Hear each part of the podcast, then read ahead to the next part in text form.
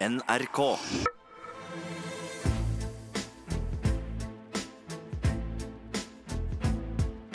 Trump mot verden med Gjermund Eriksen og Sean Henrik Matheson.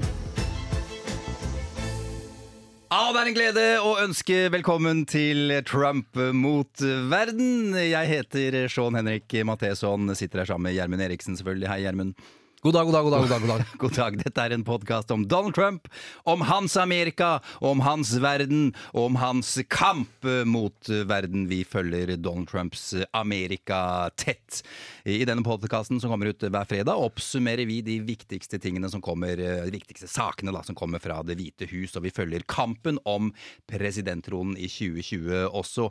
Gjermund, du er serieskaper, Aber Bergen, Mammon, bare for å nevne noen. Du blir litt brydd når jeg sier at du vant en Emmy-pris for Mammon. Kledelig Mammon brydd. Alle burde se det at jeg liksom er brydd. ja, men, men derfor nevner jeg det. Jeg nevner ikke i dag. Nei, jeg sa det ikke i dag. Eh, Når du ikke skriver TV-serier, så bruker du alt du har av tid til overs på å følge amerikansk eh, politikk. Du har en helt utrolig god oversikt og kunnskap over det som skjer i USA. Ikke bare Trump, egentlig, men hele systemet eh, og hvordan det er skrudd sammen. Dag 973 av hans presidentskap. Taper han, så er det 487 dager igjen Av vår podkast. podcast. Det er sant. Jeg, er nesten litt, jeg orker ikke tenke på det eh, akkurat nå. Eh, kjapt, Gjermund. Sammenhengen mellom TV-serier og amerikansk politikk, hva er det? Det er jo at eh, TV-serier utsetter oss for utrolig mange inntrykk eh, på ganske langt over lang tid. Eh, og så prøver vi å prente det inn emosjonelt og rasjonelt. Og det går det an å se på amerikansk politikk på den samme måten i å rydde opp i den type serier. Og det tenkte jeg vi gjør i dag. Eh, og se på det som de lange linjene. Men det, men det, men det er før vi liksom må ta tak i i går kveld, Nå har det virkelig kokt Ja. i går kveld, Ja, ja. Eh, rundt en stor eh, whistleblower-fortelling. Som, en, som kommer til å bli et klassisk drama inni vårt drama.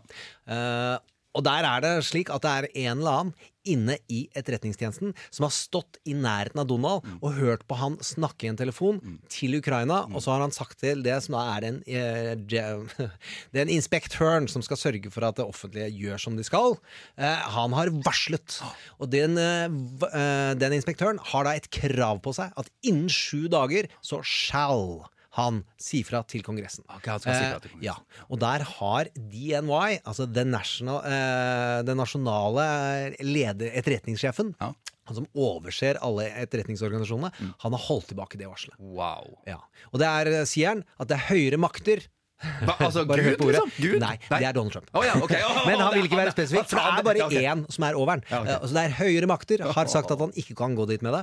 Uh, uh, Og mer enn det vet vi cirka ikke foreløpig. Og vi hadde lyst til å snakke om dette, for det begynte å lukte på mandag. Ja. Men det passer mye bedre, for vi vet mer neste uke. Mm. Og da blir det, blir det en spionhistoriefortelling, tror vi. At det, altså det blir i hvert fall etterretning, og det er stas. Vi elsker spionhistorier. Det er jo det beste. Men ok, eh, vi starter med uka som har gått, da, bortsett fra det vi snakka om nå. Ja. Tre av de viktigste sakene som har preget uka, Gjermund. Det ene er jo der verden står på spill. Det syns vi jo at vi må snakke om eh, når det kastes på køl i den, eh, i den kjelen. Eh, og det er jo Iran og Saudi-Arabia. Eh, og hvor Donald, vår hovedkarakter, blir satt på prøve. Det andre er eh, Iowa. Som er et utrolig sentralt fenomen i eh, primærvalgkampen. Altså demokratene, det tror jeg vi må snakke om. Og så må vi snakke om eh, Høyesterett, som plutselig ble viktig igjen. Eh, og som er utrolig viktig for å forstå de virkelig lange linjene i amerikansk politikk. De går, eh, står Høyesterett for. Okay. Presidenter kommer og går hvert åttende år. Høyesterett består. Ok. Eh, det skal vi snakke om i dag. Tre ting vi ikke skal snakke om, Gjermund. Ja, Det ene er jo Colt, Colt, som er litt western. Mm. Eh, fordi de har lagd AR-15. Yes. Og det er et, ikke et maskingevær, men det er et gevær, eh, assault rifle som de kaller det, Mm. som lader utrolig fort, og hvor du kan skru det til og bli en eh, massedrapsmann. Og det har blitt brukt mye i massakrene i USA, og nå sier Colt nei. De vil ikke produsere det mer. Jeg, jeg, trodde de bare ikke ville selge det til sivile. Å ja, Ja, men det, ja. det er, Ja, okay. he, jeg mener det heter noe annet når de selger det til militæret og til Ah, politiet. skjønner. Så Air-15 trodde jeg var eh, det sivile navnet på uh, gunneren. For Ja, ok. de kan gjøre noe mer med det når de selger det annet sted. Nettopp, ok. Eh, vi skal vel heller ikke snakke om impeachment process, kanskje? Nei, det, det er for tidlig, Mm. men den har vært i gang. Og det var en lang høring. Uh, men den, uh, det er ikke så sterkt drama foreløpig. Ok, Hva med miljø? Orker vi det? Eh, miljø er en følger, fylletang, og nå er Donald Han går til sak mot California, for å, han vil at biler skal slippe ut mer. Så det, altså, det er også en eh, pågående gag som jeg er redd for eh, kommer til å stå seg. Men en ting vi i hvert fall ikke skal snakke om, det er vel Sean Spicer. Det er eh, en favorittkarakter i dette dramaet. Altså prestetalsmannen som kun overgås av komiske Ali i Irak-krigen. Hvis de husker han hvor det Ja, ja. faktisk eh, bomber eksploderte bak ham. Altså, her skjer det ingenting. Her er Sean Spicer. This was the largest audience to ever witness an inauguration, period. En Han var med på Dancing with the Stars, Ja. eh, som er eh, Skal vi danse? Er det det samme konseptet? Det er samme greiene. Ja, nettopp. Ja, Ja, ja, ja. I en forferdelig gult kostyme, og ga alt. Og det er ikke veldig mye, for det var ikke så mye rytme i kroppen. Så det, det kunne vi snakket mye om, men det skal vi ikke. Vi orker ikke det.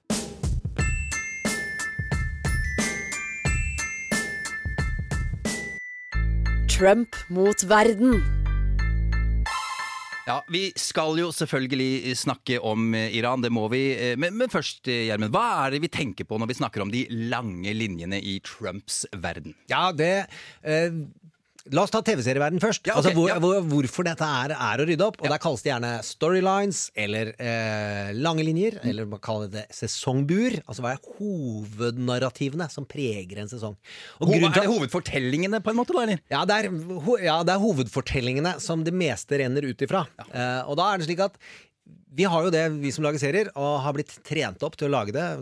Fordi det er så mange som har gjort mange feil, så da etter hvert så begynner vi å jobbe litt likt. Ja. Og det er, å, eh, det er en bra måte å organisere hendelser på. Og ha det på en vegg og henge det bortover.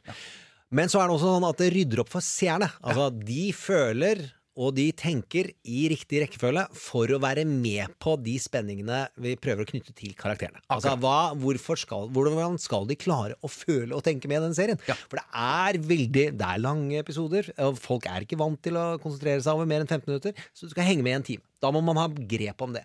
Eh, Game of Thrones, for eksempel. De bruker tre hovedlinjer. Der den ene er den kampen mot det overnaturlige. Altså det som setter hele verden på spill. Winter is coming, som er The White Walkers. Og så under der har du kampen om tronen, som er kampen mellom menneskene.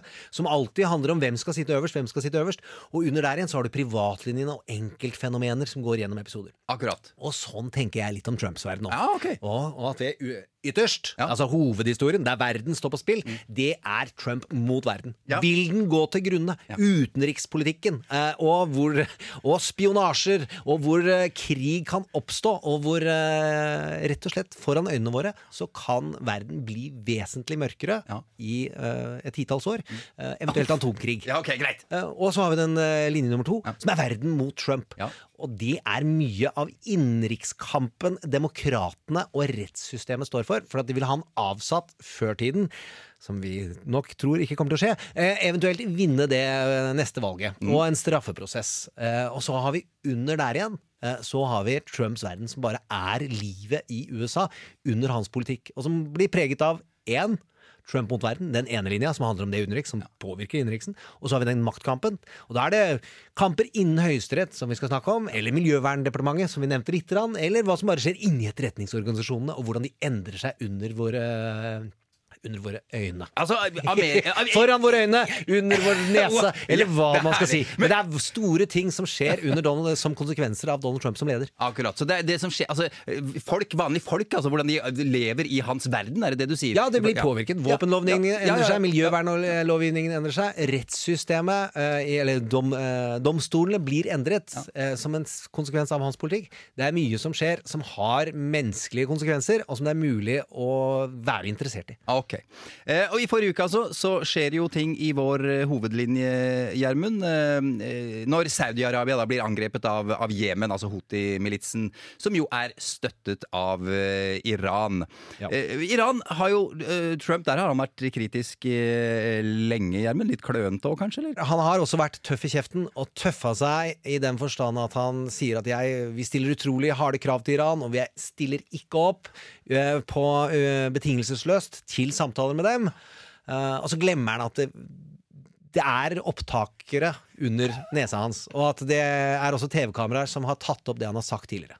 I would certainly meet with Iran if they wanted to meet. No preconditions. Anytime they want. Do you have preconditions for that meeting? No preconditions. No. Anytime they want. Now, the president has made clear he, he's happy to take a meeting with no preconditions. Okay. So, well, you know, there were always conditions. The sanctions, that's a condition. So, you know, that's why the press misreported it.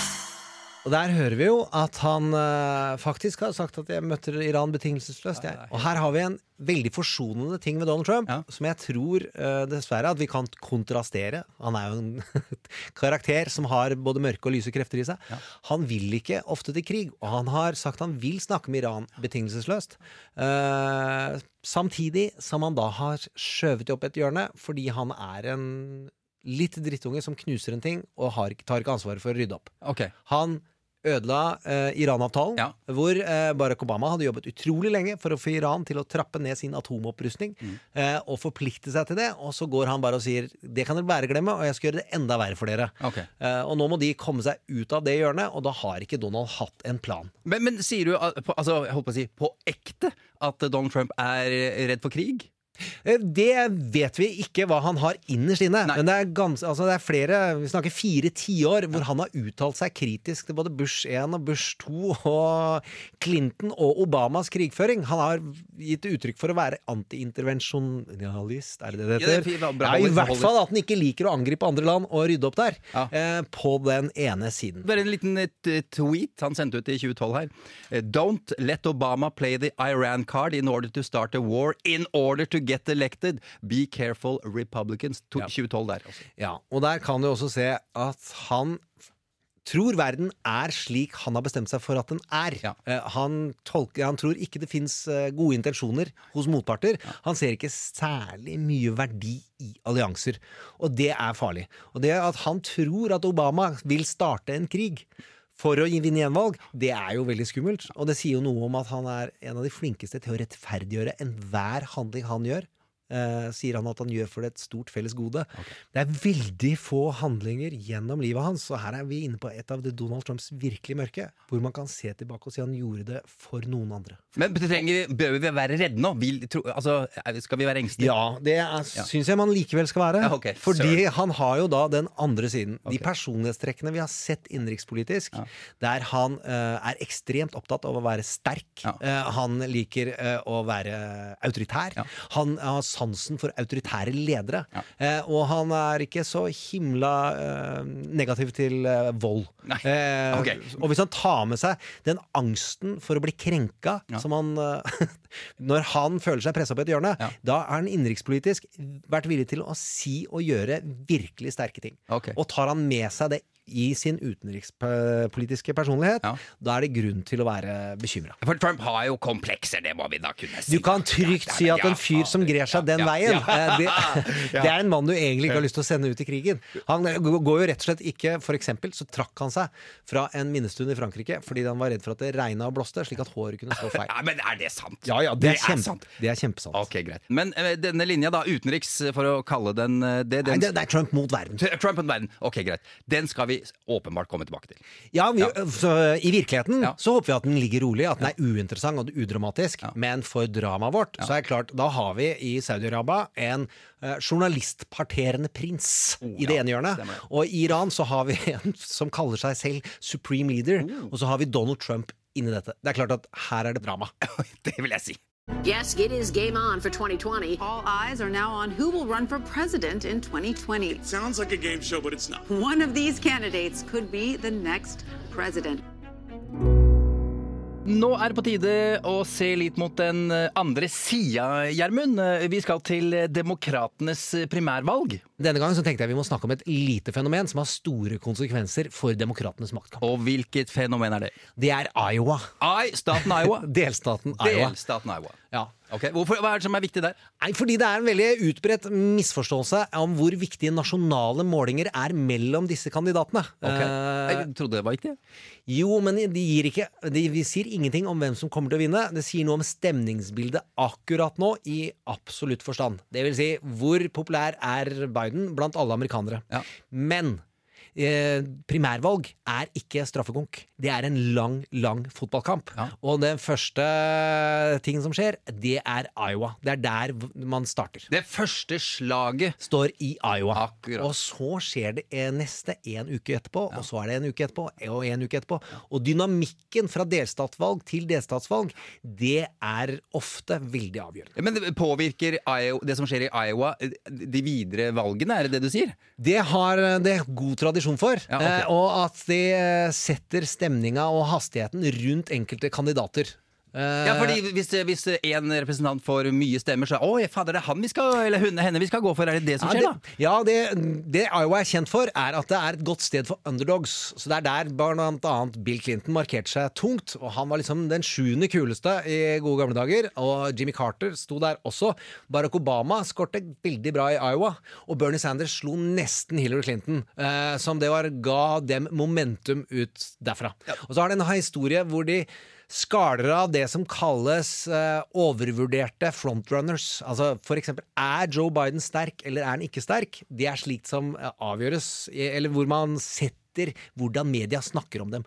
Og det skal være mye snakk i media etter Iowa, før det er neste delstatsvalg og neste delstatsvalg. Okay. Og der er, Du må se på det som en sjakkåpning. Oh. Eh, eller du kan se på det som det første store slaget. Okay. Det er ikke over. Ringene, vi er i Ringenes herre 2, liksom. Det skal være Ok, en metafor jeg kommer stadig mer tilbake til, for det er en for, formende, metafor. Men du har kanskje svart på det nå, Gjermund, men er eh, Iowa representativt for USA? Overhodet ikke. Nei, og der der er jo en av ja. Det er veldig hvitt. Ja. Eh, Det har mer eh, Det er ikke radikale, men det er mer, eh, mer engasjerte demokrater og mer på venstresiden enn det er av hovedstrømningene. Jeg tror jeg hørte en rangering, så er det på 42.-plass i hvor likt det er de øvrige delstatene.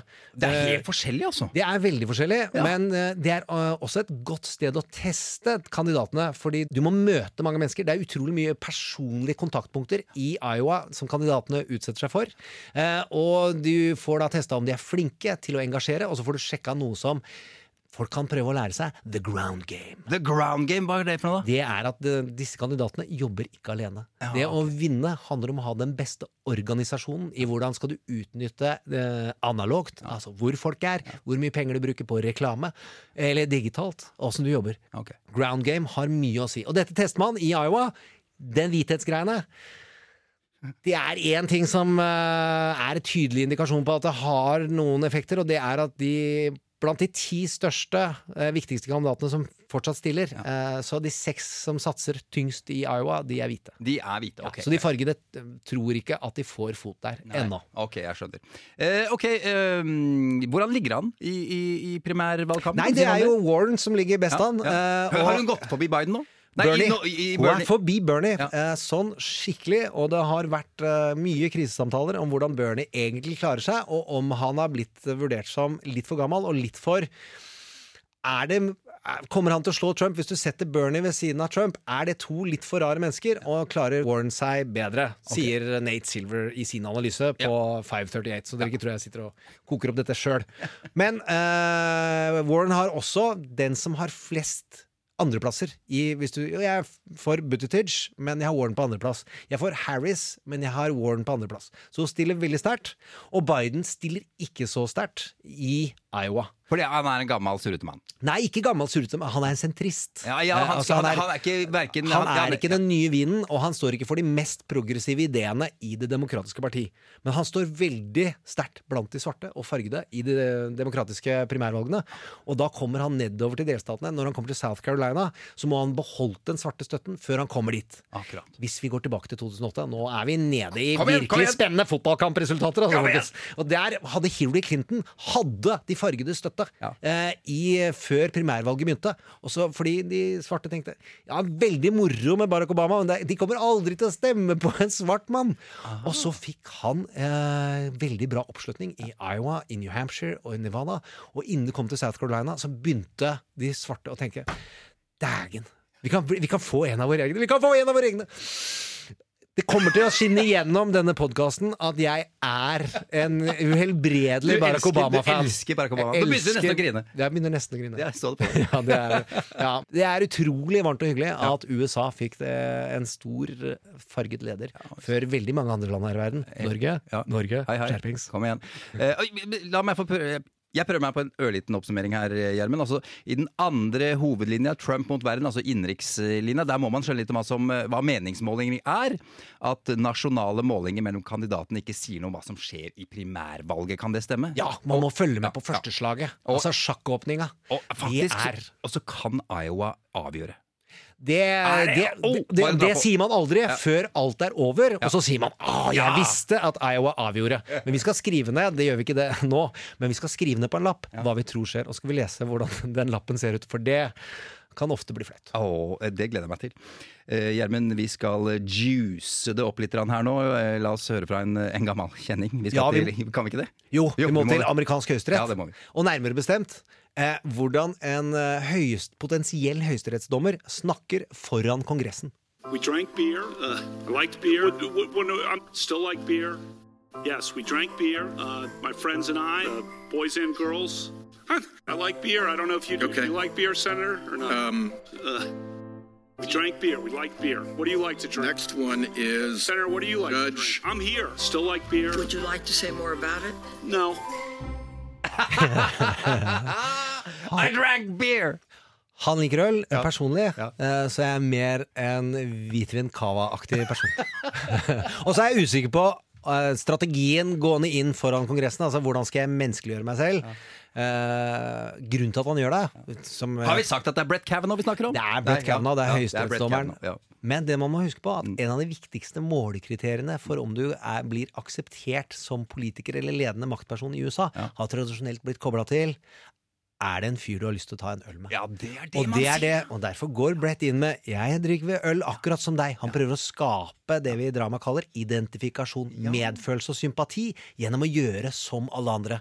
Så det folk trodde var en tøysete strategi Han er en uh, Harvard-gutt. Han Han er en ordentlig Harvard-gutt Ja. som kan sin retorikk og kan sin alliansestrategi. I forrige uke kom det nye opplysninger i New York Times. Hva var det som kom fram, Gjermund? Nei, det er jo at uh, Det var jo en høring, det var en veldig vond prosess hvordan Brett ble valgt. Uh, og da kom det overgrepsanklager, og det var en veldig sterk høring og et klassisk TV-drama eller TV-filmøyeblikk. Og det har blitt lagd TV-serier om en lignende hendelse tidligere, om Anita Hill eh, og Justice Thomas når han ble bekreftet eh, og måtte kjempe seg gjennom. Eh, og hvor det i ettertid har vist seg at man skjøv bevis eh, under teppet og gjemte det bort. Ja, for han hadde forgrepet seg på Nei, eller, altså, vi, har altså- ikke, vi har ikke hatt rettslig bevis, men Nei, eh, den verden er ganske trygg på at Ja. Anita Hill eh, ikke løy om hvordan Thomas oppførte seg. Eh, og Dette er vi snakker ikke voldtekt, vi snakker om eh, seksuell trakassering på det groveste. 90-tallet er vi på nå, er vi ikke det? Ja, eh, og ting som eh, var uakseptable selv da. Ja. Eh, og som er Selv da var det det. Ja, og selv da. Og så kommer det fram at det var en annen person også, som het Ramirez. Det, Bet det var ikke Betzy Ford, men det var en annen kvinne som het Ford, som det, det, Brett Kavanaugh hadde gått på skole med, og hun satt og vitnet. Og gråt, og hadde veldig sterk fortelling, og er en professor og veldig høy troverdighet, mens Ramirez hun satt ikke der.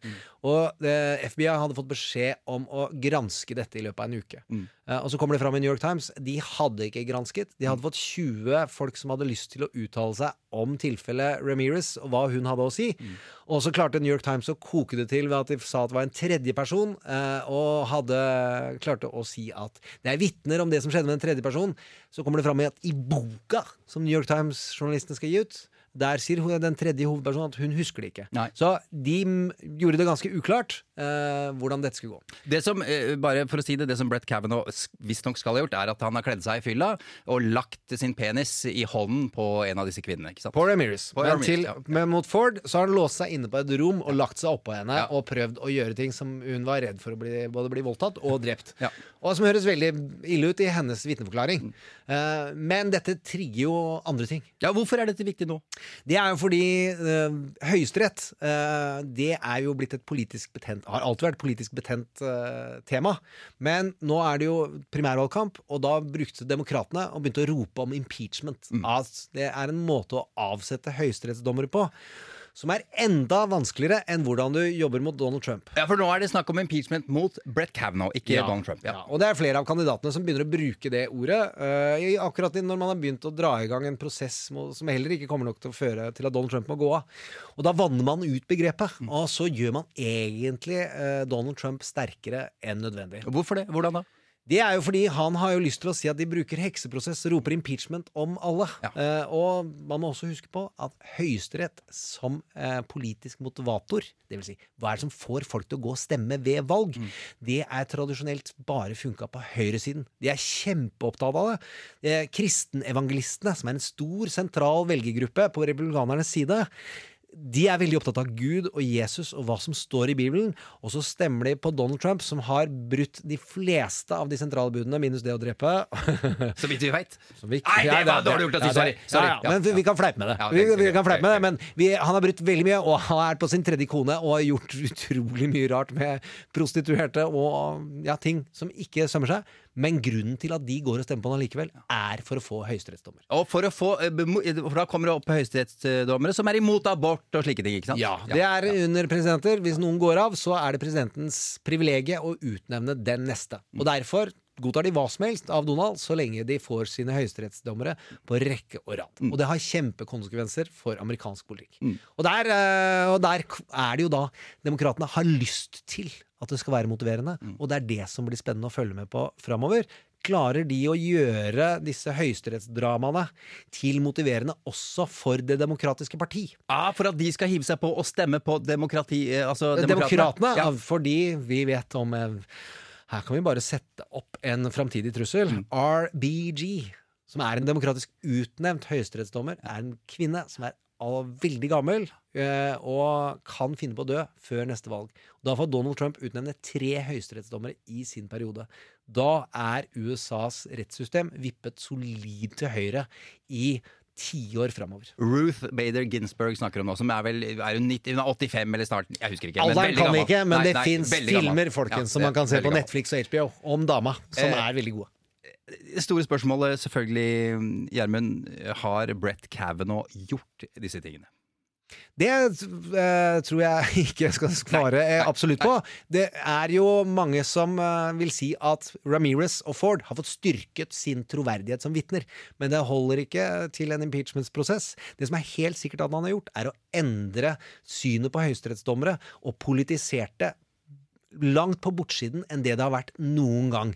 I hvordan han opptrådte i Kongressen. Hvis vi tar bort fleipene med ølet, så er det bare å høre på det her. My family and my name have been totally and permanently destroyed by vicious and false additional accusations. This whole two week effort has been a calculated and orchestrated political hit, fueled with apparent pent up anger about President Trump and the 2016 election, fear that has been unfairly stoked about my judicial record, revenge on behalf of the Clintons.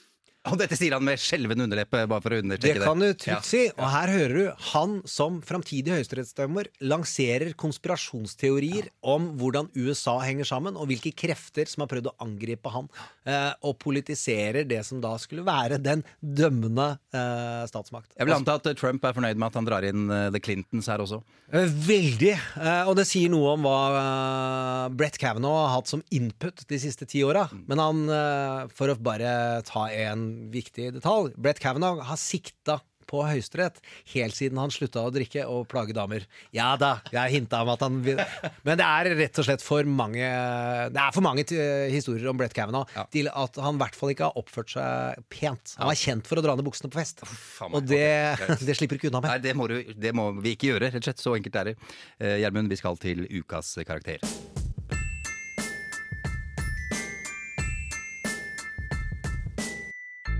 Trump mot verden. Gjermund, vi avslutter alltid med ukas eh, karakter. Er dette fortsatt vår tredjelinje? Ja, dette er vår eh, måte å gjøre det tredjelinja gjør i TV-serier, og som vår eh, i Trumps verden. Vi prøver å dra opp små dramaer. Her er det mennesker og personligheter som vi syns det er viktig at man hekter seg emosjonelt på og rasjonelt på, for å liksom skjønne hva som er greia med å følge med på amerikansk politikk så det virkelig svinger. Og denne karakteren syns jeg er udelt positivt eh, å ta tak i. Georgia Democratic gubernatorial candidate Stacey Abrams came very close to winning. Stacey Abrams. Stacey Abrams. Stacey Abrams. Ladies and gentlemen, Stacey Abrams! Stacey Abrams, eh, Gjermund, hvem er hun? Eh, Det er en uh, utrolig tøff politiker, uh, og som ofte tidligere statsadvokat, uh, og som kan det å snakke retorisk og engasjere mennesker på en menneskelig måte. Og vant nesten i delstatsvalg i et tøff sørstat mot alle odds, og kom kjempenær, og dermed fikk det man kaller nasjonal tilstedeværelse Akkurat. i USA. Ja. Og så prøvde Joe Biden å eh, fiske henne ut, fordi det var mange som snakka. Skal, du være nei, skal du være presidentkandidat? Så var hun i tenkeboksen og sier Joe Biden «Eh, du skal ikke bare stille som min visepresidentkandidat. da Ja. Og da sa hun dø, er du gammel? Ja. jeg tar mine vurderinger, og hvis jeg stiller, så stiller jeg som eh, en egen kandidat. Så kanskje du kan være min. Så tøff og fin i kjeften. Det er viktig, eh, mener jeg, å si at hun er svart. Ja, det er hun. Ja. Og det er det som gjorde det imponerende, at hun nesten vant eh, det valget.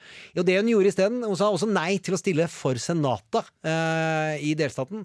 Eh, og så har hun isteden starta en organisasjon som skal slåss mot voter suppression.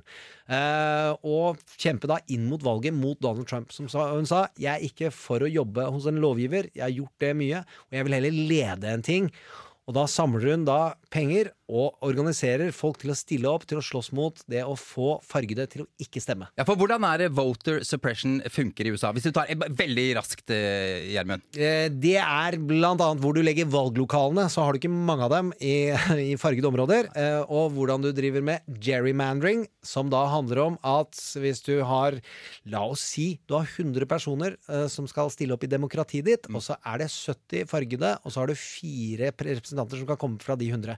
Da lager du fire distrikter, og så putter du de 70 fargede i ett distrikt. Og da kommer det én representant for de fargede, og så kommer det tre for de 30 hvite. Fint! Ja, og den tredje måten er at uh, man vasker valglister. Du må registrere deg for å avgi stemme, og så er de utrolig harde på labben, republikanerne som leder ulike delstater, i å fjerne folk fra the voter rolls. Og da får de ikke muligheten til å stemme. Hva, altså Radene der hvor de skal uh, Nei, de- altså, nei, listene. Altså, det å kunne stemme, så går de og teller er du registrert for å kunne stemme, og da er du borte. Okay. Og så har de fem, seks, sju, ni andre teknikker, men det får vi snakke om et egen en gang, om voter suppression. Det det er et stort og viktig tema. Ja. Poenget er Stacey Abrams hun gjør dette av veldig gode intensjoner. Ja. Donald Trump skal bort. Ja. Hun skal få flest mulig til å stemme på både i presidentvalget og i senatorvalgene over hele USA, og til Representantenes hus. Men hun sikrer seg også en enorm base av mennesker som er med på å donere penger til hennes prosjekt og engasjere seg i politikk. Og det hun da, tror jeg, stiller seg opp til, er å gjøre seg til en potensiell visepresidentkandidat dersom dette skulle bli aktuelt. For da kan hun komme og feie over en del delstater med sin tyngde inn mot de fargede. eh, Og ikke minst at hun, det er retorisk schwung over denne dama. Altså. Er dette en person som eh, Trump eh, ligger våken eh, på nettene over og ikke får sove fordi han tenker på Stacey Abrams? tror du? Ikke ennå, men uh, vit en ting. At han er godt informert om hvordan voter suppression fungerer. Og han jobber hardt for å fortsette den veien. Det vil jeg tro. Eh, Vi nærmer oss eh, slutten, eh, Gjermund. Vi har en hook til neste uke. Men hva, hva er en hook, Gjermund? En hook er jo mot slutten av episoden hvor du tenker at å, nå kommer den til å løse hvordan La oss tilfeldig valgt eksempel. Jack Bauer. Der har vi han som kommer til å stoppe atombomben, og fortell meg nå, hvor er den?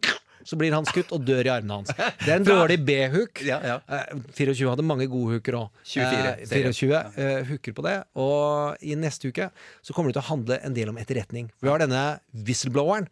Det har skjedd. Det er også en annen sentral spionfortelling i Washington som jeg tror det kommer til å komme mer informasjon om. Men du, kan mamma stemme en gang til, Gjermund? Det, Det har jeg sjekka, og mamma Ja. får ikke. Hun Men hun ga oss eh, en ener, så vi må oppfordre alle andre til å gi oss femmere. Eh, du som hører på, gå inn og rate oss i iTunes, da vel! Ga mora di oss en sånn en ener? Trykket du feil? Nei, det var ikke oh, det. Jeg, jeg prøver bare å legge oss lavt og, okay. gi, og få høyskår score. Mamma har gitt oss femmere. Ja, selvfølgelig. Trump mot verden med Gjermund Eriksen og Sean Henrik Matheson.